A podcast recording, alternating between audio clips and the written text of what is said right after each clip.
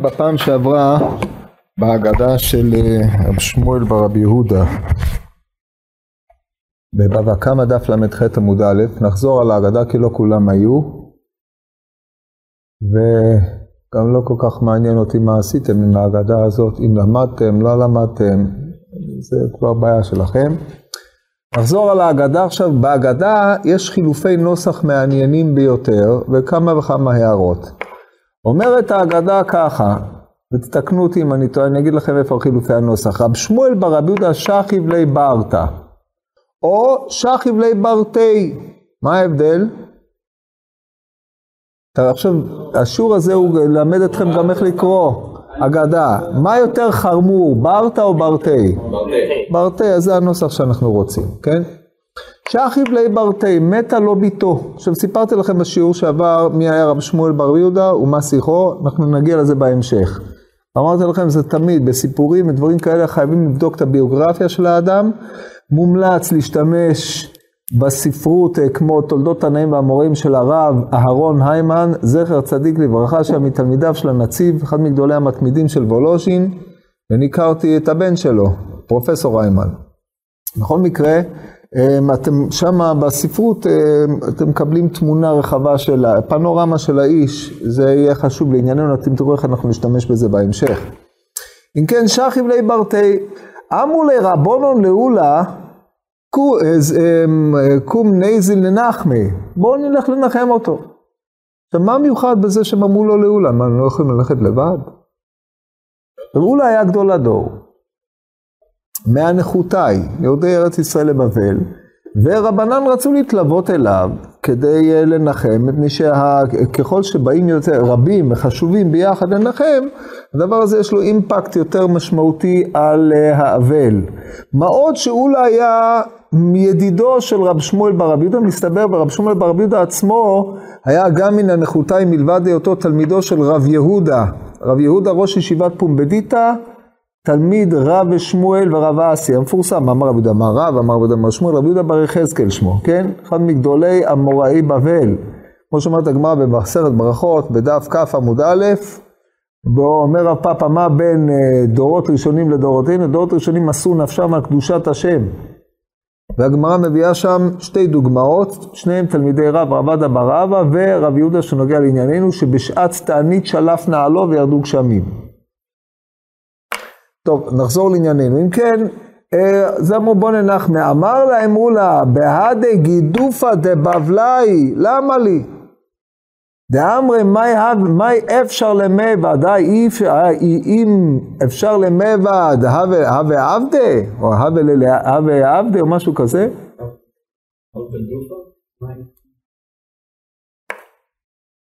זה העניין. זה החלק הראשון. בקיצור, אומר, אומר אולה, עכשיו יש פה שתי נוסחים, או אמר להוא, אולה או אמר אולה.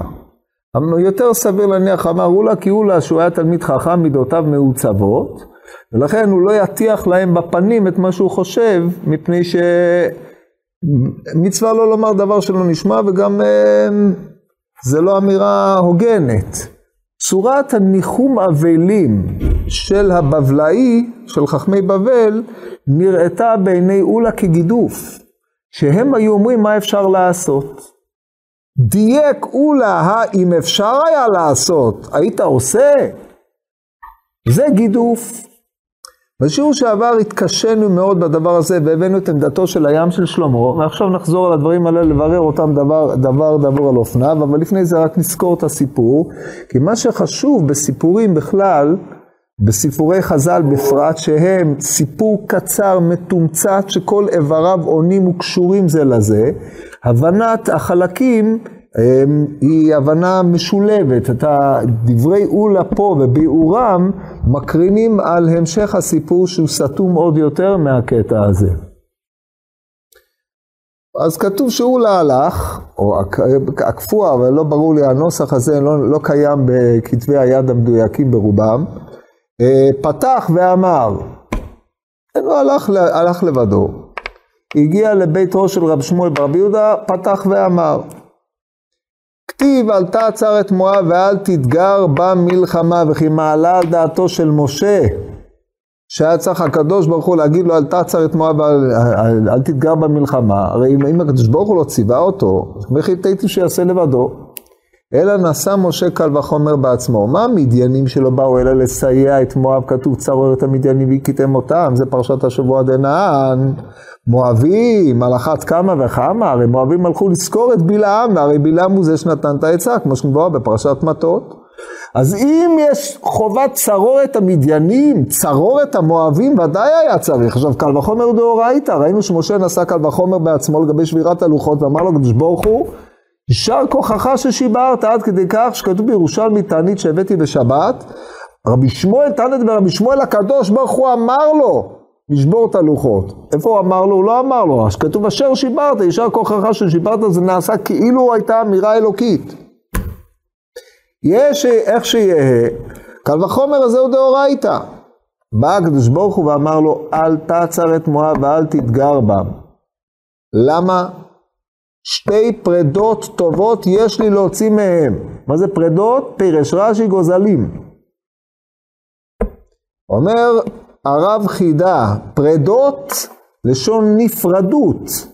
פרידה, לשון, זאת אומרת, יש לי להפריד מעמון ומואב שתי גוזלים שסופם לטוע, להמשיך את ממלכת, את ממלכת יהודה, את שושלת בית דוד, כל כולה סמוכה על שתי הפרדות הללו, הלא הם רות המואביה ונעמה העמונית. רות המואביה היא אימה של מלכות כידוע, נעמה העמונית הייתה אם רחבעם. והיא בעצם, ה...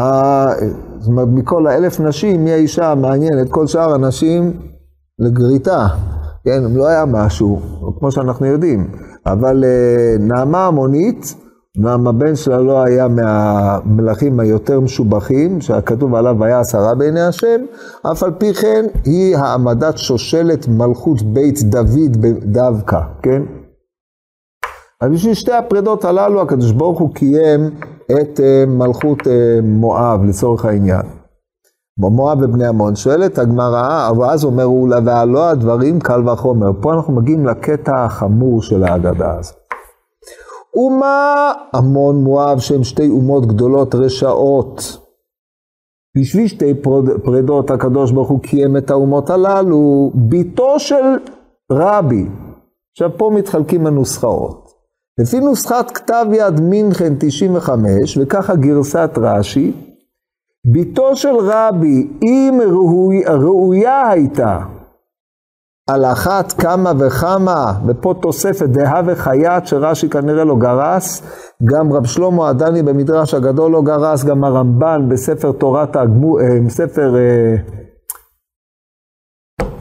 בספר שלו, אה, משהו, תורת האדם לא גרס, ואנחנו רואים שלא גרסו את הדהה וחייט, שאתם רואים שזה תוספת ארמית על הרצף העברי.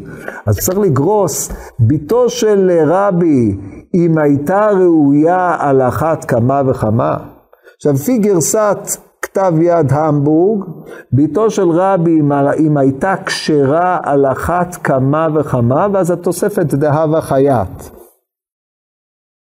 רש"י ודאי לא גרס את זה, כי רש"י גורס על אחת כמה וכמה שתחיה. אז אם איתה, הוא לא היה צריך להגיד את זה, כי זה כתוב. יהא אשר יהא, לפי, אה, גם אם הוא לא גרס את זה, הוא ככה פירש, אז האמירה היא כזאת, אם, וככה נתפרש, נתפרשה האגדה בדרך כלל, אם הבת של אה, רב שמואל ברב יהודה הייתה כשרה, ודאי היא הייתה חיה. והייתה מעמידה זרע ישרים יבורך, אבל כנראה שהיא לא, ולכן היא לא. שאלו העולם, על הזה ייקרא ניחומי? הגמרא במסכת כתובות, בדף ח' עמוד ב', למי שיש מחשב שיפתח, אומרת הגמרא שהבן של אה, רב חייא בר אבא, הבן של בר, רב חייא בר אבא דומני, שהיה מל... המלמד של הבן של ריש לוקיש, ח' עמוד ב', נפטר.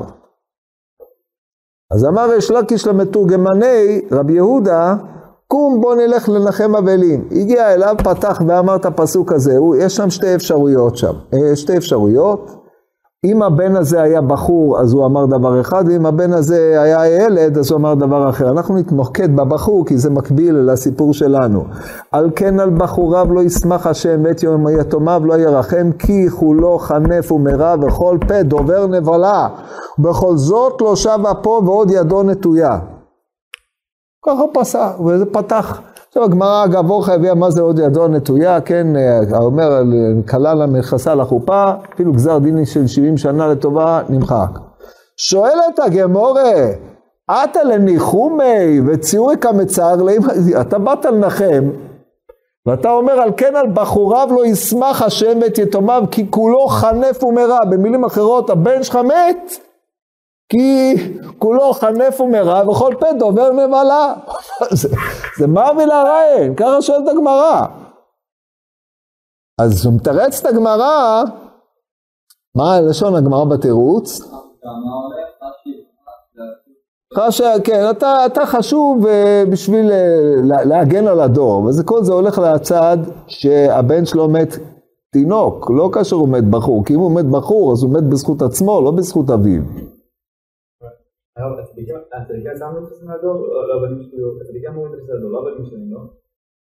כמו ממונו. כמו ממונו, מיטב ממונו. זה הצער של הצדיק, מרחם עליו. יהיה אשר יהיה. מה ההבדל בין זה לבין uh, הגמרא אצלנו? הרי פה התירוץ חשוב רק להדפוס על הדור, בוודאי לא רלוונטי, זה גם לא נאמר פה. אז יש לנו גמרא שהיא מאתגרת אותנו ביותר, כן? עכשיו לגופו של עניין, האם הקל וחומר של אולה הוא קל וחומר נכון? האם כל אדם שמת צעיר בלא בנים הוא לא כשר? ועולה על הדעת דבר כזה? קל וחומר פריחה. כמה וכמה אנשים שהם לא הולידו ילדים, נפטרו בדמי ימיהם, ואנחנו לא נבוא ונגיד, טוב, אם הוא היה כשר, אז הוא היה חי. מי שמע כדבר הזה? איזה סוג, איזה סוג טיעון זה? אז דע לך שזה לא ניחום, אבל אם בסדר, נניח, הוא לא ניחם אותו. אבל כשלעצמו, איך הוא טוען טיעון כזה מופרך? מה הוא רוצה? שאלה ברורה או לא ברורה? טוב, זה מה שהופך את ההגדה הזאת למאתגרת ומעניינת. עכשיו נתחיל אה, לסדר את הדברים אחת לאחת, אבל כמובן, כשאנחנו נתבונן בגופה של דרשת אה, אולה, היא מעוררת פליאות מתחילתה ועד גמירתה. איפה אמר משה, טוב אני, אני לא אנהל איתכם שו"ת כי אני בשבע צריך ללכת אז אני עכשיו אה, אעביר הילוך ואני אריץ את זה מהר. רק תקלטו. אז אומרת הגמרא כך, אה, אה, הוא אומר להם, פתח ואמר, אל תעצר את מואב ואל תתגר במלחמה. מה המשך הפסוק? כי לא אתן לך מארצו ירושה, כי לבני לוט נתתי את הר ירושה.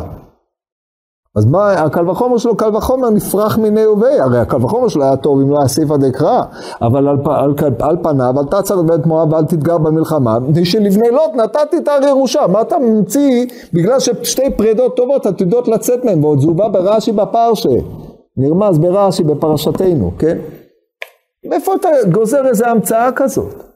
עוד שואל הבן איש חי בספר בן יהוידע, ספר חובה לחובבי האגדה, יצא ספר מחקר על הספר הזה, ספר נחמד מאוד. זה לא הקדוש ברוך הוא, זה מה שהקדוש ברוך הוא עונה לו, זה הבעיה. לא על ברוך הוא אומר על הטענה שלו, מה, הוא רוצה? זה, זה הפירוש? אבל הקדוש ברוך הוא אמר כי לבני לוט, זה ההסבר. אז הוא מסע בפי הקדוש ברוך הוא מילים שהוא לא, לא, טענות שלא נאמרו. דבר שני, זה וכי אי אפשר היה להוציא את נעמה המונית ואת אה, רות המואביה גם בלי אה, מואב, אפשר, אפשר להסתדר גם בלי. ככה שואל הבן איש חי בספר בן יהוידע.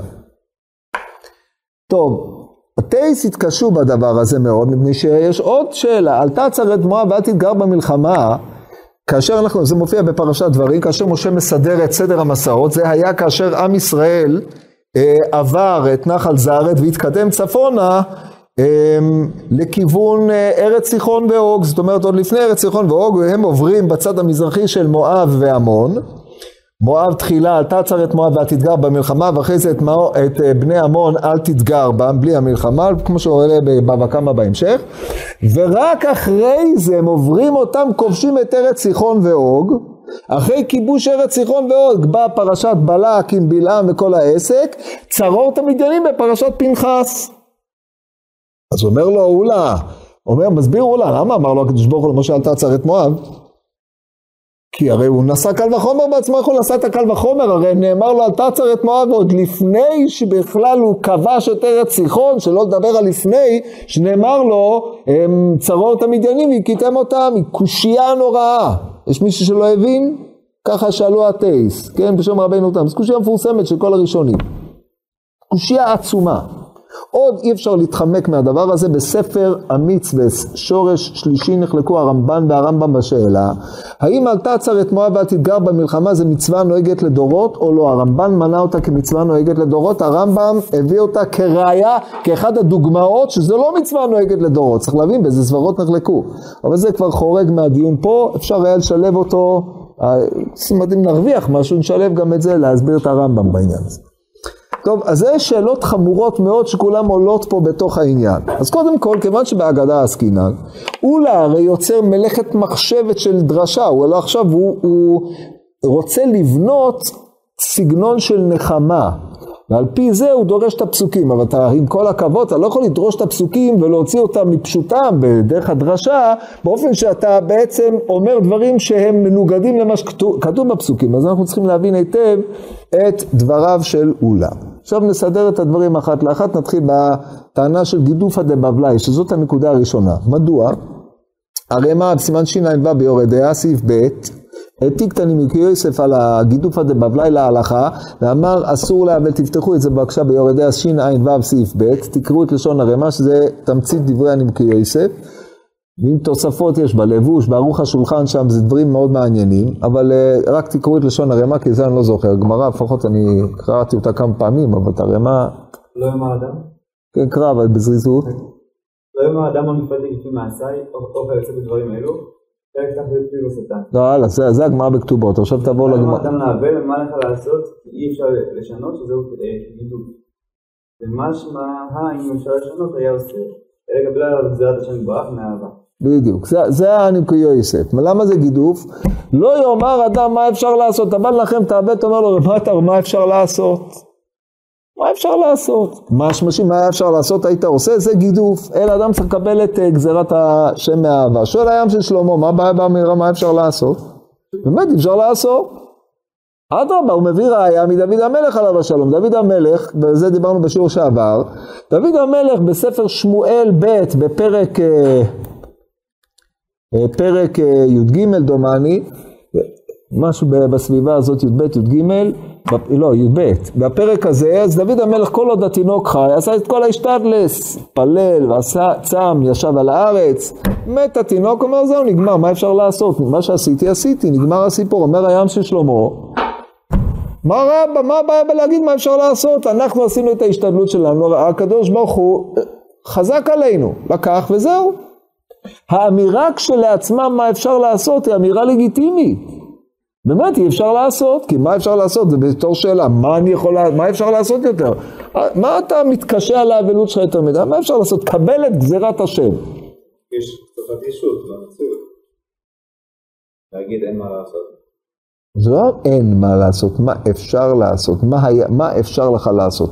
אתה צריך להשלים עם העובדה שהקדוש ברוך הוא החליט לקחת את הבת של רב שמואל ברב יהודה. צריך להשלים עם זה.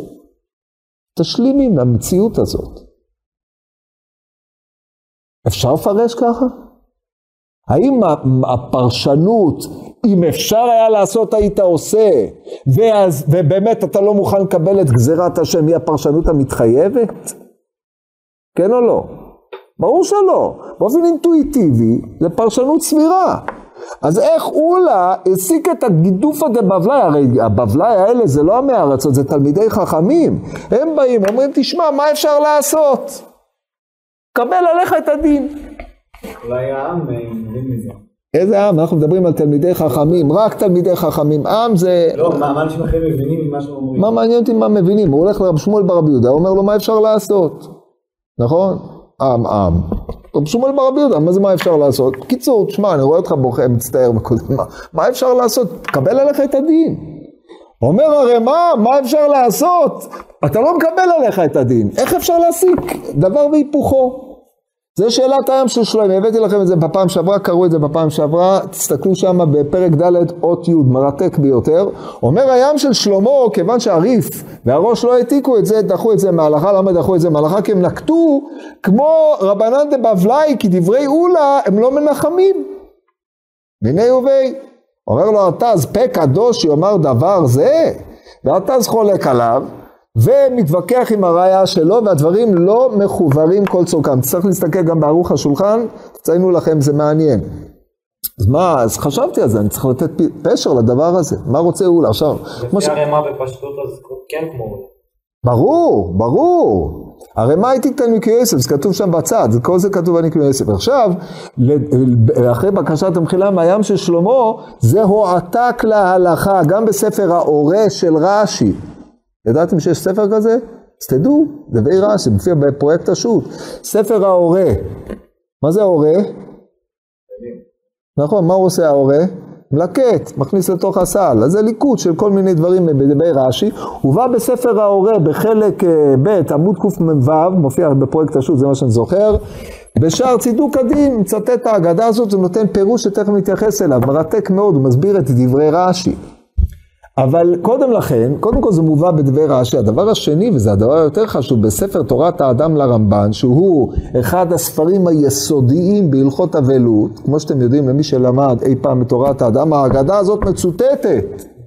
אם כן, נהי נמי, שהריף הראש לא הביאו את זה, אבל הרמב"ן הביא, אז מה, איך אתה, ים של שלמה, דחית את ההגדה הזאת מההלכה, עם האימפליקציה שלה, שגידופא דבבלי. לכן אנחנו צריכים לתת לזה פשר, זאת אומרת להבין גם את הסבורה של הים של שלמה וגם להבין את הסברה ההפוכה, את הסברה של הרמ"א, באיזה סברות נחלקו, איך מסתכלים על הדבר הזה, או על כל פנים להצדיק את הרמ"א, כי ככה על ההלכה. אז כדי להבין את הדבר הזה, אני אסביר לכם מה חשבתי. אמירה מה אפשר לעשות, אפשר לפרש אותה בשני אופנים. האופן הראשון, עשיתי כל מה שיכולתי. מה אפשר לעשות? זה רצון האל יתברך, אני צריך להשלים עם זה. זה אמירה שמצד אחד מנחמת אותך באשר אתה, או אמירה שהיא עשיתי מה שיכולתי, אבל הכ- לא הכל בידי. וכיוון שלא הכל בידי, אני צריך להשלים עם זה. זה לא גידוף ולא כלום. האמירה השנייה, מה אפשר לעשות? אילו יכולנו לעשות, היינו, יכול, היינו מונעים את המצב. אבל אנחנו לא יכולים לעשות, אנחנו לא משלימים עם המצב, כי אם היה בידינו לעשות, היינו עושים. זה מעין טענה של איוב, שהטיח דברים כלפי מעלה, כן? אם הייתי יכול לשנות, הייתי משנה. כי אני לא מקבל את הגזרה האלוקית. זה שתי אמירות מחולפות, אתם מבינים? כשאתה בא ואומר מה אפשר לעשות, אתה בעצם אומר, כפו עליי מציאות שאני לא מעוניין בה. אני לא יכול להילחם בה כי אין לי מספיק כוח. אם הייתי יכול, הייתי משיב עליה. או אני עשיתי כל מה שיכולתי לעשות, מה אני יכולתי לעשות, לא יכולתי לעשות יותר, ולכן אני עכשיו משלים עם זה. אלה שתי פרשנויות מחולפות. הן מובנות? יש מישהו שלא הבין? אין. מאן מפיס שהבבלים מתכוונים לזה ולא לזה. איך אתה יודע להכריע? אז הדיוק, עולא דייק, דיוק, אבל הבבלים לא, הם ידעו. התשובה היא פשוטה. עמדתו של האבל היא העמדת מה אפשר לעשות יותר. עשיתי כל מה שיכולתי, ואם זה מה שהקדוש ברוך הוא רוצה, אני משלים עם זה. זה בדיוק מה שדוד המלך אמר. זה עמדתו של האבל. כי האבל יודע שהוא עשה מה שהוא יכול היה לעשות. עושה את ההשתדלות שלו. ובמאמר מוסגר, מי שלא עשה את כל ההשתדלות שלו, במה שהוא צריך, הוא לא מתנחם. תדעו לכם, אדם שנשאר לו חשבון פתוח עם ההורים שלו, אם ההורים שלו נפטרו מן העולם, או אם מישהו נשאר לו חשבון פתוח, הוא לא מתנחם. בדוק פסיכולוגית, זה כבר לא נוגע להלכה. לכן אדם צריך לסגור את ה... לנקות את השולחן לפני שהוא מזדכה. ככה זה, זה האמת. אז לכן כשאדם אומר מה אני יכול לעשות, זה, זה בדיוק דוד המלך, מה שהביא הים של שלמה ראיה מדוד המלך, ראיה מצוינת, אבל היא מצוינת לעמדתו של האבל. כשהמתנחם בא להגיד לאבל מה אפשר לעשות, הוא לא מחזיק, הוא לא האבל. עכשיו, יש פה איזושהי טעות, שכשאדם רוצה להשתתף בצערו של האחר, זו טעות אינפנטילית משהו, אבל אנשים טועים בה. וראיתי את זה בכמה וכמה הזדמנויות.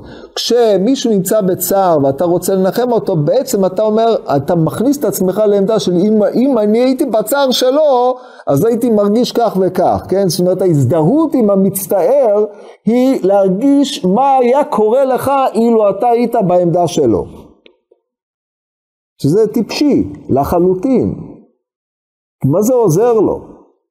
כן, הרי כבר בגמרא, בסיפורי ניחום אבלים אחרים, יש ביקורת נוראית על מישהו שמשתמש בטריק הזה. אבל אתם מבינים מה אני אומר? זאת אומרת, כשאתה בא ויושב עם מישהו ואתה מצטער בצערו, זה לא שאתה צריך לעורר את עצמך, אם אני הייתי אצלו היה לי נורא ולכן אני מרגיש עכשיו נורא. אתה עושה צחוק? זה לא שיטת ניחום האבלים. שיטת ניחום האבלים היא לשכך וליישב את דעתו. עכשיו נתבונן בעומק טענת מה אפשר לעשות. בתור מנחם אבלים, אתה לא בא ואומר לו, עשית כל, אתה, אתה בא ואומר לו, עשית כל מה שיכולת, כן? ואף על פי כן, זה מה שבא לך. עכשיו, הוא יודע בעצמו שהוא עשה כל מה שיכול. העמדה של המנחם צריכה להיתפס באופן אחר. מה היא בעצם אומרת? עמדת המנחם במה אפשר לעשות אומרת, תקשיב, מה אתה מתאבל, נקודת המוצא של האבלות שלך היא שלקחו ממך, אתה עכשיו חסר, לא נשאר, מי שהיה קרוב אליך נלקח, ולכן אתה נמצא בחיסרון. החיסרון הזה, מה, אתה, מה אפשר לעשות? זה חיסרון שכפוי עליך. עכשיו האמירה זה חיסרון שכפוי עליך, פירושו של דבר, שאתה לא, לא משלים עם הגזרה הזאת. כי אחרי ככלות הכל, החיסרון הזה הוא חיסרון. מצב, אדם שנמצא בחיסרון, הוא לא רוצה להיות בחיסרון הזה. כיוון שהוא לא רוצה להיות בחיסרון, הדין הזה נכפה עליו אילו היה יכול לשנות את הדין, הוא לא היה עומד בחיסרון הזה. לא זו בלבד שאין פה השלמה, יש פה הנצחה של היות האדם חסר. למה זה דווקא אם זה בא מהצד שלו של האבא. כי האדם שפעל את מה שהוא יכול היה לעשות, הוא יכול להגיד מה אפשר לעשות במובן עשיתי כל מה שיכולתי. אבל כאשר מישהו בא מבחוץ, אתה יודע מה הוא עשה? אתה לא יודע מה הוא עשה, כן? אתה רק יכול כשאתה אומר מה אפשר לעשות, פירושו של דבר כפו עליך מציאות כלשהי, למרות שאתה לא מעוניין בה. מה נקודת המוצא של המציאות? אתה נמצא בחסר. אתה מתאבל כי לקחו לך. אומרת הגמרא אה, במסכת אה, ברכות, פעמיים זה מופיע בדף ט"ז עמוד ב', אלא מעתה טבע ספינתו בים נמי. אבל, כן, אבל מעולל, מעולל בעפר קרנו לגבי קריאת שמע. אז אומרת הגמרא אלא מעתה טבע ספינתו בים נמי, אז זה טירדא דמצווה, טירדא דרשות כל זה. הגמרא דימתה שם אבל טבע ספינתו בים. מה הנקודה המשותפת? החוויה של לקחו לי. טבעה ספינתו בים. מישהו לקח ממך את זה, הים לקח ממך את זה, אבל על מי אתה מפיל את התיק? מה אפשר לעשות? הים, אה, זה, ויש פה, יש מי שמנהל את הים. הקדוש ברוך הוא רצה שתהיה חסר, אז אתה חסר. אם היית יכול למנוע את זה, לא היית נותן ביד הקדוש ברוך הוא להגיע, להביא עליך מצב כזה. זאת התפיסה שאולה טוען שהיא גידוף. מה שורש הבעיה בתפיסה הזאת? התפיסה לא נכונה של אבלות. כשאתה הולך לנחם אבל, אתה לא מנחם אותו על זה שעכשיו יש לו חסר. כי את החסר הזה אי אפשר למלא. אבל התפיסה שהעמדה, האבל, שהחוויה הטבעית שלו היא חוויית חסר, הניחום היא על ידי זה שאתה מעתיק אותו לחוויה אחרת ביחס למת שנפטר לו. שזה שורש הניחום. לאמור, אם אתה בא ומזדהה עם החסר שלו ומעצים אותה, אתה מגדף. אם אתה בא ונותן לו נקודת מבט אחרת לחלוטין על פרידה שהייתה לא מביתו בהקשר של ההגדה הזאת, אז אתה מנחם אותו מפני שאתה נותן לו צורה אחרת של הסתכלות על האירוע. עד כאן המודל. יש מישהו שלא הבין? אין. טוב, אז מה שאנחנו צריכים לעשות זה למה אולה בלומדס שלו פתר את הבעיה באופן אחר, כן. מה זה בעצם לא הבנתי מה אתה שואל. גידוף פירושו של דבר שאתה בא בטענות כלפי מעל, ריבונו של עולם, אתה לא, לא הוגן. לא כאילו, הוא. ברור זה נגד. כי בעצם מה אתה אומר? אילו הייתי יכול למנוע את הרצון האלוהי, הייתי מונע אותו, כי זה מציאות שלילית. הקדוש ברוך הוא הביא פה רע, הביא חסר, חסר, היעדר, רע, מהר"ל עם כל הקו הזה. כן, אני לא, אני מקצר, אני אמשיך. תתייעץ עם הגדולים פה, עם המבוגרים, אתה יסביר לך את זה. בסדר, אפשר להבין את זה, זה קל. טוב, אז עכשיו אנחנו עוברים ל... עלתה עצרת מואב, אז מה קרה שם? אז קודם כל, צריך להבין את הדרשה.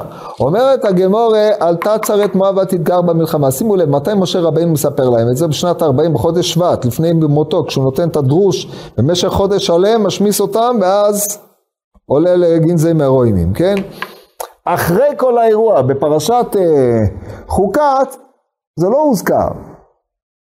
אז המשמעות של הדברים שמשה חשוב לו להגיד להם שהקדוש ברוך הוא אמר לו תצר את מואב, אחרי שהיה אסכול חטא בעל פאור, הוא מזכיר להם את זה. ולכן הרמב"ן חשב שזה מצווה לדורות.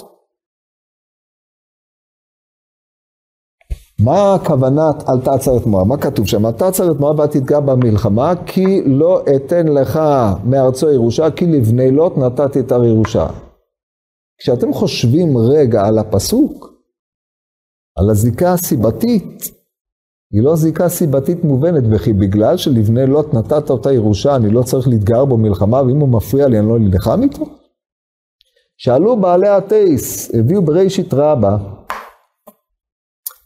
שכאשר דוד הלך להילחם בארם נהריים, באו, הם פגעו במואבים בדרך, אמרו, טוב, בואו נחסל את המואבים בדרך. כן, זה בדרך. הוציאו להם מסמך, כתוב, אל תעצר את מואב ואל תתגר במלחמה. אמר דוד המלך, אתם התחלתם קודם, בום, כיסח אותם והמשיך הלאה, ואנחנו יודעים שדוד המלך, שני חבלים להרמית, מלוא החבל להחיות, ותהי מואב לדוד עבדים נושאי מנחה, כן? מה אם אל תעצר את מואב ותתגר בה? זה היה זמני. עגלון ועוד כל מיני דברים, זה, זה היה זמני. וחוץ מזה, לא מצאנו שעם ישראל כבש את ארץ מואב והתיישב בה. כן, הוא שם אותם לעבדים נושאי מנחה, אחרי זה חזרו מואב והשתלטו. ו... אז להילחם זה דבר אחד, לכבוש את הארץ ולרשת אותה זה דבר אחר.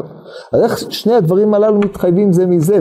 בגלל שהקדוש ברוך הוא נתן את הר ירושה, אפשר להילחם עם המואבים? ודאי שאפשר להילחם, מה זה קשור אחד לשני? אלא ודאי. זה הדרשה. אל תעצר את מואב ואל תתגר במלחמה, אל ת... להתגרות במלחמה פירושו של דבר להרוג, להשתלט על המדינה, להרוג את המלך ולהשאיר אותם עבדים בתור מואבים, שם. זה לא שאתה הופך, אתה, אתה לוקח את המדינה אליך, אומר גם את זה לא לעשות. כי היה חשוב לקדוש ברוך הוא שתצא משושלת המלוכה שתיים האלה, הנעמה המונית ורות המואביה. רות המואביה לפי המדרש הייתה בת ביתו של עגלון, המלך, דהיינו משושלת המלכות היא יוצאת. כי לא לקחים איזה מואבי אחד, לקחו את המלכות של מואב, כי המידות של מואב, עם הקלקול שלהם ועם המיוחדות שבה, הם היו צריכים להכניס אותם לתוך ממלכת יהודה, לתיקון. ותסתכלו על רות המואביה שהיא באה ממואב, שהם עם שירשו את סדום, והיו המידות שלה מתוקנות בצורה יוצאת מגדר הרגיל, וממנה יצא דוד. לכן הקדוש ברוך הוא היה צריך להעמיד את המלכות, כך מסביר הבן איש חי, להעמיד את המלכות, כדי להוציא ממנה את הפרידה הזאת. ולכן אם אתה נלחם, אתה כובש את המלך, אז uh, בעצם לא יצא לך את הפרידה הזאת, אתה רוצה את הכוח המואבי בצורתו היותר עליונה. אז זה מה שטענו לה. עכשיו לגבי שאלות של היסטוריה זה לא בעיה בכלל. כי כמו, כמו שאמרו התוספות בצדק, דו, משה רבינו אומר, אמר לי הקדוש ברוך הוא אתה צר את מואב, הוא אומר את זה לדור, לעם הנכנס לארץ, דעו לכם, זה מה שאמרו לי. למרות שעכשיו היה מקום לעשות להם את מה שהיינו צריכים לעשות, אני אומר לכם, זה מה שהקדוש ברוך הוא אמר לי. אז מה שכתוב נשא משה קל וחומר בעצמו, הכוונה שנשא משה קל וחומר בעצמו שהיה ראוי לעשות את זה, ואז הוא הבין רטרואקטיבית למה הקדוש ברוך הוא אמר לו אל תעצר את מואב, ואת זה מה שהוא מספר לישראל בשנת ה-40. זאת אומרת, אחרי כל האירוע. אז זה מסביר את העניין. עכשיו נחזור לדברי אולה, שזה הדברים המרתקים המאלפים. מה שעה שבן איש חי האם לא יכול לפי זה מאומה אחרת? שזה אמרתי, עניתי על זה לפני רגע. בת המלך. איך תוציא מאומה אחרת? אתה רוצה את הגן המואבי. עכשיו, אתה לא לוקח איזה מואבי פושט, אתה לוקח את המלך, כן? את האיש, את, ה... את התמצית, כן? אין מלך בלא העם, היא מחזיקה את כל הגן. טוב, עכשיו נמשיך. וזהו, ואז, זה, ואז אפשר להתפטר ממואב, היום לא קיימת יותר, כן. זאת אומרת, למרות שישעיהו בפרק ט"ו שלו מסע מואב, אבל אחרי זה בירמיהו פרק מ"ח, זהו, נגמרו. ביחזקאל זה נגמר, נראה לי בירמיהו לא, ביחזקאל זה נגמר סופי. סנחריב לקח אותם, וטוב עשה, זהו. גם אותו לקחו, כן? על דעתיו תעטפוך וכו'. טוב, עכשיו אנחנו צריכים להגיע לדברי יהודה. עכשיו, שימו לב, אמרתי לכם בהתחלת השיעור ששכיב ברטה. עכשיו, נזכר מי היה רב שמואל ברבי יהודה. הוא היה גר. אם הוא היה גר, ושכיב ברטה, עכשיו פה, אחרי בקשת המחילה מהעיון, יעקב, הדיוק שלו נראה לי, הוא רצה לדייק שהייתה לו בת. הייתה לה בת, לברטה, כי, כי כתוב שחי ולא מתה, אבל מה נעשה שהדיוק לא מתחיל בכלל, ולא היה לו, לא היה לו כלום. במילים אחרות, הגר הזה, מתה לו ביתו, הוא תלמיד חכם ענק, היה מגדולי תלמידיה, תלמידיה של רב יהודה, כמו שאמרתי. הגר הזה, מתה לו ביתו, והוא גר שמת ואין לו יורשים, מה נשאר לו בעולם? זה טרגדיה, טרגדיה נוראה. זאת אומרת, האבלות של רב שמואל ברבי יהודה על הבת שלו, זה לא רק על הבת שלו, זה על עצמו. באו לה, ואומר לו קל וחומר, שימו לב, אומה עמון מואב, של שתי אומות גדולות רשעות, הקדוש ברוך הוא העמיד אותם בשביל להוציא מהם שתי פרדות. בתו של רבי, לפי נוסחת רש"י, אם הייתה ראויה, על אחת כמה וכמה. עכשיו, לפי גרסת כתב יד, אני מעדיף את אם הייתה ראויה, זאת גרסת רש"י. אם הייתה ראויה, כתוב שם בספר ההורה, אם הייתה ראויה להחיות, אה, אה, שיהיה לה זרע, להחיות ממנה זרע על אחת כמה וכמה. כך רש"י בספר ההורה, או המיוחס לרש"י. אותו דבר גם ברש"י על אתר אפשר להוציא את הדבר הזה. מה הוא מתכוון? הוא בא ואומר, תשמע, אתה צריך להסתכל על כל הסיפור של האבלות באופן אחר. הרי הקל וחומר הזה, אמרנו קל וחומר פריחה, יש אלף כאלה שמתו ואין להם ילדים ולא כלום. נגיד כולם רשעים. הוא אומר, הפוך, כל מה שאמרתי זה הפוך. אתה מסתכל על האופן שהקדוש ברוך הוא מנהל את עולמו. עמון ומואב, אומות שנמחקו מן העולם, ראויות היו להימחות עוד בזמנו של משה בצרורת המדיינים. היה צריך לגמור איתם.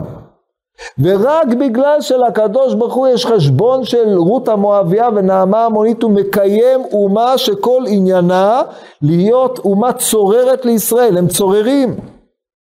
הרי אנחנו יודעים מה שכתוב, כל רועיה הזילוה, בספר, במגילת איכה אומר המדרש, מי זה? תסתכלו במדרש איכה רבה, המון ומואב נכנסו לקודש הקודשים, הוציאו את הכרובים. איזה כרובים הוציאו?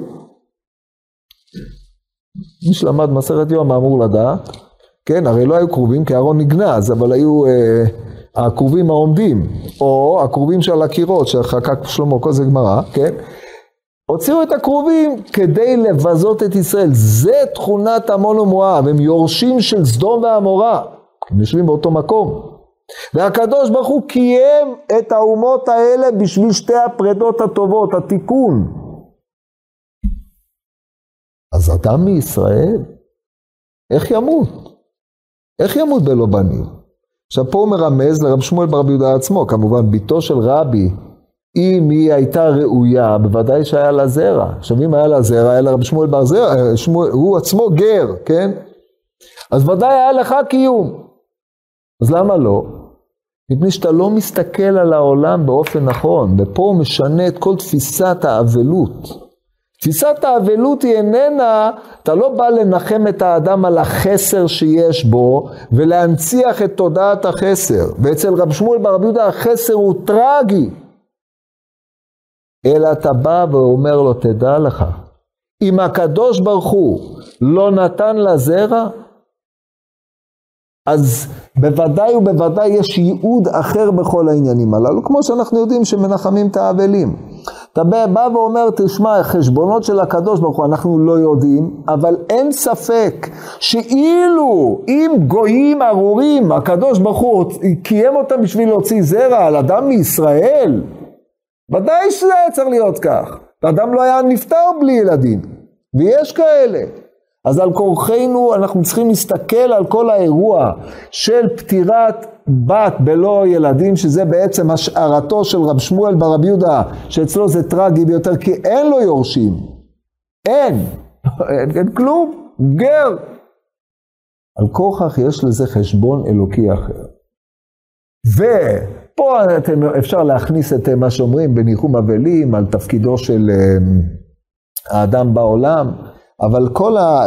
אני לא נכנס לזה כי זה לא שמוס בניחום אבלים, הנקודה המרכזית היא על כורחנו, אנחנו לא דנים את הנפטר כמי שנתחסר, אלא הייעוד של האדם הוא לפי מה שרצון השם יתברך נותן לו, ולכן אם הקדוש ברוך הוא רצה שהיא תיפטר בלא בנים ולא יישאר לך זרע של קיימא, התפקיד שלך הוא תפקיד אחר, כמו שכתוב בפסוק על יאמר הסריס, הן אני עץ יבש, זה בדיוק באותה מתכונת. כי הרי מה, מה זה עץ יבש? עץ שלא יכול להוציא פירות, זה סריס. גר שמת ואין לו יורשים, יותר גרוע מזה. כי סריס אולי יש לו יורשים, אין לו כלום. יש לו רק את עצמו. ואם זה הקדוש ברוך הוא רצה, אז זה לא מפני שהוא רצה לחסר אותך. אלא מפני שכשהוא מביא אדם לעולם, הוא מביא כל אחד ואחד עם יהוד. עכשיו, מה התחכום בקל וחומר לפי זה? תחכום בקל וחומר כל עצמו לא בא אלא לומר לך, שאתה לא בוחן את האדם על פי מה שהוא משאיר בעולם, אם הוא משאיר זרע או לא משאיר זרע, כי אם הוא לא ישאיר הוא לא יהיה קיים. חייב להיות היבט אחר, כי הקדוש ברוך הוא מקיים רשעים בשביל להשאיר זרע. אז אדם מישראל על אחת כמה וכמה, אלא על כורכך, אם לא, אז כנראה יש חשבון אחר. ובדרך כלל החשבון האחר עובר להיות, דע לך שהשם נוטע כל אחד בעולמו לפי דורו, לפי עניינו ולפי מה שהוא פועל בתקופתו. ופעולתו של האדם עושה פירות ופרי פירות. לאו דווקא אם היא, אם היא, אם הייתה ראויה לילדים, אז היו לה ילדים, זה האופן שבו הייתה עושה את פירותיה. אם היא לא ראויה לילדים, אז היא לא נשארת. ושהרי מי שראוי לילדים, אפילו אם הוא רשע, גם הוא, הוא קיים. אז כל שכן ביתו של אה, רבי, אלא ודאי. עכשיו שימו לב שאני פשוט הופך את הפרשנות הקלאסית, כן? להתבוננות אחרת. ופה, וזה מה שאני רוצה לומר, לסיים בהגדה הזאת, שכשאולה הולך, אם הוא לא מנחם כמו ניחומא דבבלי, הוא חייב לתפוס את צורת הניחום באופן אחר. ותפיסת הניחום באופן אחר היא לא להעמיד את האבל על החסר שיש לו, אלא להעמיד את הניחום על הייעוד שהאדם יש לו בעולם. והייעוד שיש לו לאדם בעולם נקבע על ידי הקדוש ברוך הוא, ולא נקבע על ידי מה שבני אדם רגילים לחשוב. וברגע שאתה משנה את זווית הראייה הזאת, אז אתה לא דן על, לא נתחסר לך כלום. כי מתחסר לך פירושו של דבר שיש משהו ששייך לך. אלא אדרבה, הקדוש ברוך הוא נותן למי שראוי לילדים שיהיו לילדים, מי שלא ראוי שיהיו לו ילדים מסיבות שהן לא תלויות בו ולא תלויות באף אחד איזה חשבונות שמימיים, לא יהיו לו. ואם לא יהיו לו, על כוח יש לו ייעוד אחר. זה האמירה של לולה, שהיא אמירה חזקה מאוד. כן, קישר את זה הרב חיים יוסף דינקלס בספר אמונת יוסף שלו, על מסכת אה, פירוש על ירושלמי אה, של הרב סריליו, ירושלמי ברכות, על, בהגדה במסכת אה, ברכות, בירושלמי פרק ב' הלכה, לא זוכר, כתוב רבי בון ברכיה, רבי בון ברכיה נפטר בגיל 28, על אה, מישהו לאפטורי אלוהי.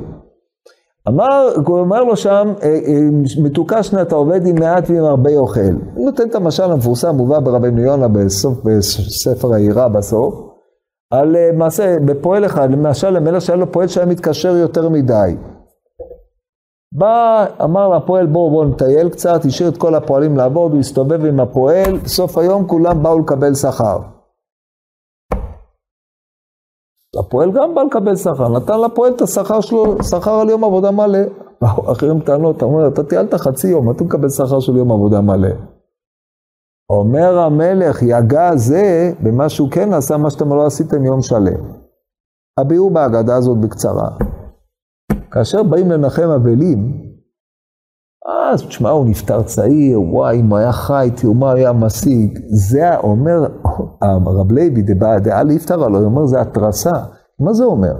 שמה שהוא עשה בשנותיו, הוא בעצם עשה רק חלק, ולקחו אותו שלא בזמן.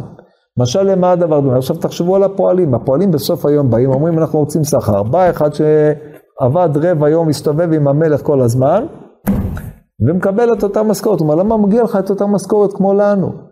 אתה עבדת רק קצת. עכשיו, זו טענה נכונה, אתה תבוא למלך בטענות, תגיד תודה שהמלך שכר אותך ולא אילץ אותך לעבוד, נותן לך שכר, זה כבר זכות. תפיסת האדם היא מודדת את האחר על פי מה שהוא הצליח להפיק, מה שהוא עשה, כמה זמן הוא עבד. זה טעות. המלך רואה ברבי בון ברכיה, או בפועל המתקשר יותר מדי, ראייה אחרת ממה שהעולם רואים. ולכן הקדוש ברוך הוא החליט שרבי בון ברכיה עכשיו הולך לדרוש בבית משפט, בבית, בבית המדרש של מעלה, ולקח אותו.